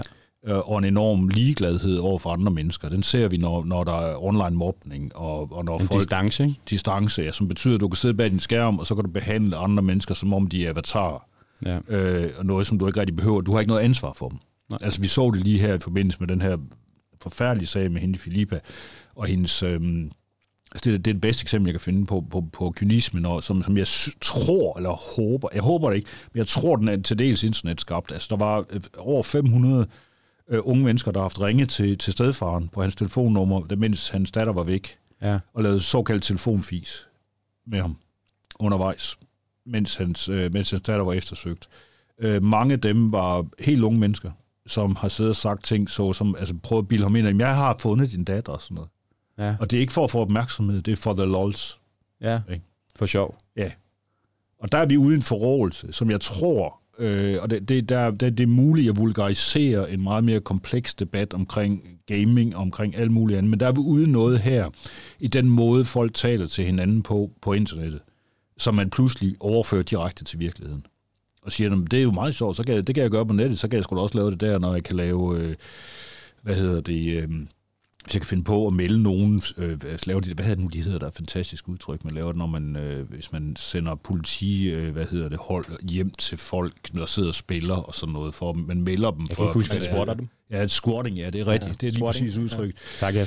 Det er sådan noget, man gør, og det er jo også igen, det er jo helt forfærdelig ting at gøre. Det er misbrug af, af, af, af alt muligt, og risikoen ved det er enorm. Ikke? Men, Jo. men folk synes, at det er pisse sjovt, for der er kamera på. Ikke? Og så kan man sidde og gøre de her ting. Og det, den, altså den vulgarisering, den tror jeg, og den, og den afstumpethed, og den ligegladhed med medmennesket, Ja. ja. altså det, den, den er jeg bange for.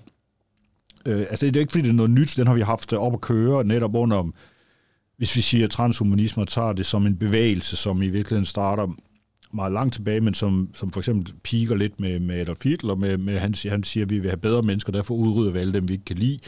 Hvis vi så siger, at vi har den nye nu, hvor vi så har en ny form, hvor vi siger, at vi er ikke tilfredse med mennesker, som det er, og derfor så laver vi en, en, en, en teknologi, som, som gør det andet. Ikke? Jo. Jamen så er vi også i gang med at, at skrive alt det fejlbarlige og det smukke ud af, af, af, af, hele universet, og siger, det vil vi simpelthen ikke have mere, fordi det er for besværligt. Ja. Jeg vil hellere være, jeg vil være helt alene. Det, Ja. det, folk, det, det, det, det er jo en enorm egoisme, der ligger i det. Elitær. Er det det, de er på vej hen i? Ja, Mm. elite, men det er også en, det er også en bag den ligger der også en, en øhm, forfærdelig øh, rasende ensomhed, Mm.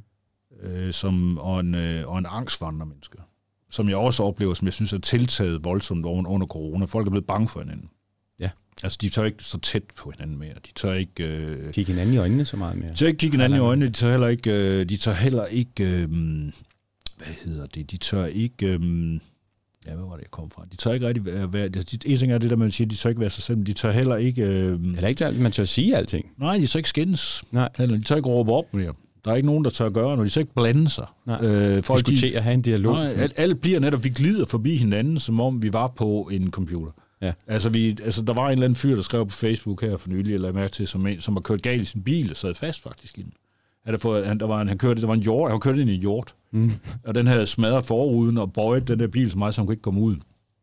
Og så, så, så sidder han i den der bil ude på en eller anden vej, og så tænker jeg, han er ikke, han er ikke sådan særlig såret, men han sidder bare og tænker, der kommer nok nogen, der stopper. Han, så, så kommer sådan to biler, han kan se ude i periferien, og han sidder med, en- med en eksploderet airbag inde i, og, og, og mast sådan lidt sammen af den der hele forenden, der mast ned af den der hjort, der ligger og flyder rundt et eller andet sted udenfor. Ja. Og han siger, der passerer, han, han ender med at sidde der i, øh, i 35 minutter. Og Der der, er passerer omkring 25 biler, siger. Der er ikke en eneste, der stopper. Mm. Øh, og jeg ved godt, at det har, sådan noget har man set før. Det er ikke specielt nyt, at, at folk gør sådan nogle ting. Men, men det er også et symptom på, at vi, øh, vi glemmer at reagere. Og vi, vi vil helst opretholde vores egen lille boble så meget som muligt, fordi hvis man nu skal til at stoppe med ham og sådan noget, så vil tænke nu, hvis der skal man, og så skal man også snakke med politiet, og det bliver, Ja. bliver sværligt det hele, og så vil jeg hellere køre, så lader jeg bare som om det ikke er der. Ja, det bliver lidt kynisk. Det bliver lidt ligegyldigt. Det bliver, ja, det du sagde før lige med, at, at der kunne sidde en idiot og, og programmere, og det andet du sagde, det var der, at, at folk lavede lol. Ja. Ja. Øh, de to ting koblet sammen, der sidder jeg og tænker, hvad nu hvis man, der kunne godt sidde nogen, der bare programmerer en, en, øh, en, øh, en chat-GPT eller sådan en model her, til at lave noget sjovt. Men hvis det ikke er, hvis det, det der, den der Hvis det joke, ondt. hvis det Ja. er en joke, der lige, altså ligesom de laver telefonfis, det er lol. Hvis du på samme måde, det, det er ikke nødvendigvis, du, intentionen er at gøre noget ondt, men du vil lave noget sjov med folk. Altså der er jo mange trolls, memes, alle de der ting, der sker for lollets skyld på nettet, som, hvor folk, man tænker, ja, hvis du hopper på den, så er det også din egen skyld. Ikke?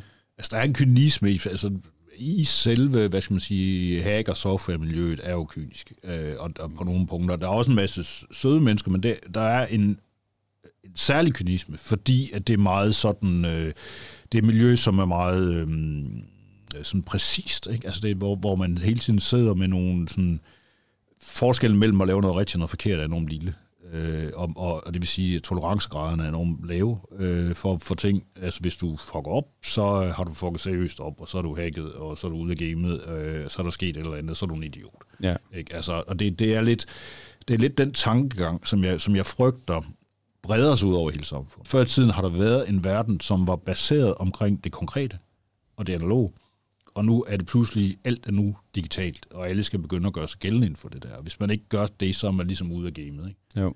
Men er det det, vi øh, så opnår med ChatGPT? Den kan jo programmere for os. Så alle os, der ikke kan finde ud af at programmere, vi kan jo bruge ChatGPT, og så kan vi programmere, og så kan vi lave de ting, vi har brug Altså, for. jeg, jeg frygter jo, at det her det bliver det samme trip, som, som man havde tilbage i, øh, dengang internettet begyndte ligesom at blive udbredt. Øh, i, altså jeg, jeg, jeg startede sådan for alvor med at, at, at lege med, med tech i altså, hvor, hvor vi sådan tog det alvorligt i 92-93, og, og der, var der, der var nettet virkelig en lille elitær forsamling, ikke? altså på det tidspunkt her i Danmark, og der var ingen, der troede på det, og alle syntes, det var fuldstændig til grin. Og så skete der et eller andet skift omkring 98, 99, 2000, der blev det lige pludselig noget, som alle skulle tage alvorligt. Og så kom der en masse mennesker ind, som faktisk ikke havde noget forhold til det. Og var selv en masse mennesker, der tænkte, at vi må kunne tjene penge på det her. Og så, øh, så det gik de i gang med. Og så fik man pludselig den her vulgarisering også af koden og alt muligt andet, som efter min mening så er kulmineret i det digitale samfund Danmark. Øh, og den måde, vi administrerer på. Hvor der sidder en masse mennesker nu, der render rundt ind i ministerierne med en iPhone i den ene hånd og en MacBook i den anden, mm. og fuld backup med, nogle, øh, med, med, med en IT-afdeling, de går ned til, hvis der er noget, der ikke virker, og en øh, gratis internetforbindelse og en, øh, en hotline og alt muligt andet. Øh, og de tror, de er gode til computer, Ja. fordi de kan finde ud af at installere en app. Mm. Og de tror, de forstår systemerne, fordi de ved, øh, hvordan man, hvis de er virkelig avancerede, så ved de, hvordan de opdaterer deres computer, for eksempel. Mm. Altså, det, det, det er det. Altså, jeg synes, jeg, har, jeg bliver lige nødt til at sige det. Der, tiden den øh, løber også fra os, Ja. men, øh, men det jeg lige vil sige, det var, at de gamle dage, de gamle mennesker, os der startede med teknologien i sin tid, der landede vi jo det der med, at når vi fik en computer, så skulle vi have den til at virke. Ja. Altså, vi fik en computer ind ad døren, så skulle vi installere tingene på, og vi sad og fandt ud af, hvordan vi kunne få den til at virke. Og når man fik en telefon, så skulle man også få den til at virke. Nu får du en, og så virker den. Ja. Og, det, og, så kan det, altså, og så virker den bare. Så du skal ikke få den til at virke, og i det øjeblik, den så ikke virker, så har du ingen idé om, hvad du skal gøre for så at få den til at virke igen. Så vi alle sammen tror, at vi er genier, fordi vi får noget, der bare virker. Men vi har jo aldrig været der, hvor vi skulle få det til at virke. Den, den indgyder os, altså de, de teknologier, vi benytter os af i dag, de indgyder os en følelse af mesterskab, Ja, som er falsk. vi bliver superhuman. Ja, altså vi tror, vi kan alt muligt, fordi ja. at vi er i stand til at gøre de her ting. Vi kan finde vej. Altså min Vi datter, stave, mener, hun er kan- mere, min datter mener, hun er mere tech-savvy, end jeg er, fordi hun indimellem kan nogle shortcuts på sin, øh, sin iPhone, som jeg ikke ved noget om. Ja. Hvis jeg sidder, hvis hun skal få et eller andet fikset. Ikke? Jo. Så siger, jeg, "Men jeg er også mere tech-savvy end dig. Så siger jeg, nå okay, er du det? Ja. Du ved, det, men altså, det, det er sådan nogle ting, vi lever i. Bare lige for ChatGPT, bare lige hurtigt, vi skal bare lige nævne, at der eksisterer, altså, der eksisterer noget, der hedder Chaos-GPT nu. Man kan ja. Slå den op. Der er der nogen, der har hacket øh, prompten, ja. Kørt den udenom og sat den i gang med at slå menneskeheden ihjel. Ej, det er ikke rigtigt. Jo, det er der. Nej. Øh, den, den, er allerede, den, er, den er allerede kørende nu, og den, øh, så problemet er selvfølgelig, den kan jo ikke slå menneskeheden ihjel, medmindre den får access til en masse ting. Men den får adgang til den analog verden. Ja, hvis den skal adgang, den, den vil ende med at skulle hyre nogen til at gøre noget analogt, for eksempel. Det Men kunne den man, bare kan manipulere folk til at gøre noget selv skade. det kunne man godt forestille sig, at den godt kunne finde på, men det, jeg tror indtil videre, at den er meget interesseret i, øh, i store, atom, i store øh, masseudlæggelsesvåben. Ej, det er skræmmende. Øh, den, Det skal den, man da stoppe sådan noget der. Ja, men hvordan vil du gøre det? Altså, det, øh, det, det kan du ikke, og der er den ude, der er den ude af æsten, ikke? Jo. Altså, det, den bedste måde, jeg tror, den bedste En avanceret GDPR, altså en regulering, der går ind og, og siger stop for det der. lovgivning kommer ikke til at gøre noget. Jeg tror, det, der kommer til at ske, nu, jeg ved godt, vi er ved at løbe tør for tid, men jeg tænker bare på, der, de, mine håb til den her tid, de, de er absurd. Fordi det, jeg håber, der kommer til at ske i forbindelse med kunstig intelligens, det er, at internet space i det hele taget, det vil i løbet af de næste to år blive fyldt op med så meget falsk information, at ja. Det simpelthen vil udgøre hovedparten. Ja. At vi vil have, at selve klumpen af informationer derude vil være på måske 95% løgn og bedrag, som vi ikke kan bruge til noget som helst. Mm. Og så vil der være en lille 5% nede i bunden, som det vil tage sådan fantastisk meget tid at finde frem til. Ja. Så, så man kan forestille sig, at et positivt outcome af det her, det vil være, i mine termer, det vil være, at vi så er nødt til at sige, at vi er faktisk nødt til at have informationen nogle andre steder. Ja. Vi er måske nødt til at vende tilbage til nogle analoge kilder. Måske mm. er vi nødt til at have gang i bibliotekerne igen, hvis ja. vi skal vide noget. Måske skal vi have nogle bøger liggende, hvis vi skal vide noget konkret. Måske er vi nødt til at have nogle lokale øh, data liggende ja. på, på en disk, som der ikke er nogen, der har fat i, ja. øh, så, så vi kan holde styr på de her ting, så vi har kontrol over det. Fordi det, der kommer til at ske derude nu, det er ved at stikke af. Altså det, og, og det bliver stort set umuligt at regulere. Det tror jeg ikke, vi, det tror jeg ikke, vi kommer til at gøre forløbigt. Og så er det, vi må sige, vi skal jo hele tiden bare huske, at og det, det ved jeg, det er et meget kontroversielt standpunkt også, verden virkede også, før vi fik computer. Ja. Den fungerede faktisk. Folk kom op om morgenen, fik noget at spise, gik på arbejde, tjente penge. Øh, vi havde infrastruktur og alt muligt andet, der, der er ting, kunne lade sig gøre, og det gik egentlig udmærket. Og det kan det gøre igen, hvis det går helt galt. Ja. Så vi har måske slet ikke brug for transhumanisme. Jeg tror, at vi risikerer, eller transhumanisterne risikerer at brænde sig selv ned. Altså, vi, vi kan jo også håbe, at de alle sammen tager med på Mosk-raket, og så alle sammen tager afsted. Ja. Det, det synes jeg ville være fint. Altså, hvis de så kunne holde op med at ødelægge flere ting hernede, end de allerede har gjort. Ikke? Så, så altså Mosk, Bezos og hvad nu de hedder mere, der er et par stykker, Erik Schmidt også, og de her typer. Og Larry. Er, er, er afsted med dem. Ja. Øh, og så vil jeg gerne stå og vinke, hvis de lover, at de ikke kommer tilbage.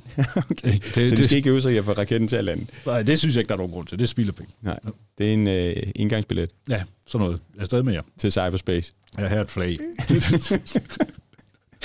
oh, det er fantastisk. Altså, ja, vi skulle jo snakke om øh, den analoge verden og transhumanisme, og, og jeg synes bare, det har været vildt underholdende, Anders. Altså, vi er kommet ret dejligt. langt omkring. Ja. Det, det er det. Og igen, altså det, jeg, vil starte med, jeg, jeg starter med at sige undskyld, og jeg siger undskyld igen for at komme for sent, og for, hvis jeg kommer til at sige noget grimt om nogen som helst mennesker, for jeg synes, alle mennesker er fantastiske. Mennesker er fantastiske. Ja. Så tak fordi du kom, Anders. Selv tak. Hej derude.